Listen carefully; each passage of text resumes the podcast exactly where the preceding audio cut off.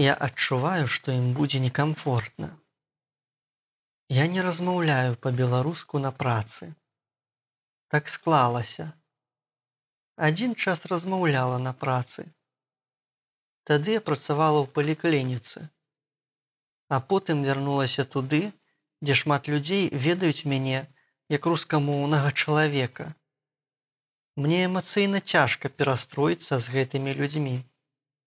Вельмі складана. Няма ў мяне моцнага эмацыйнага штуршка.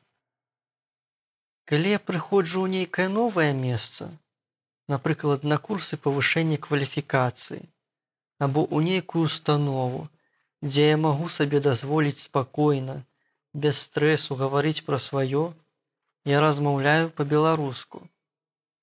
А там, дзе людзі знаёмыя, там мне падаецца, што я выпендрываюся. Я адчуваю, што ім будзе некамфортна. Я чалавек, які выхаваны на пазіцыі, што добры чалавек не прыносіць дыскамфорту іншым людзям. Калі прыходзім куды-небудзь і размаўляем па-беларуску, нам жа прыемна, каб нам адказвалі на беларускай мове. Адпаведна людзям, якія нам важныя, мы мусім таксама зрабіць нешта прыемнае. Чаму я павінна ставіць людзей, якія да мяне добра адносяцца у дыскамфортную сітуацыю. Матывацыі ісці на такі канфлікт у мяне на сёння няма. Я медык, працую з людзьмі, якім кепска. З майго боку не вельмі карэктна размаўляць з чалавекам, у якога ў прамым сэнсе могуць быць адбіты мазгі, на мове, якую ён можа не разумець. Натуральна, калі да мяне прыходзіць пацыент, які гатовы да беларускай мовы і сам прапануе на ёй размаўляць, тут проста свята. А вось мае дзеці, з нараджэння вучаць беларускую мову. З імі я заўжды размаўляю па-беларуску.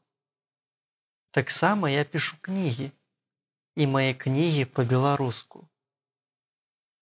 Алена 43 гады, сківічнатварны хірург, пісьменніца. Штуршок. Штуршок можа выклікаць як злосць, так і радасць. Штуршок у метро без прабачэнняў выклікае злы позірк. Штуршок ад сябра, якога даўно не бачыў, радасную смешку.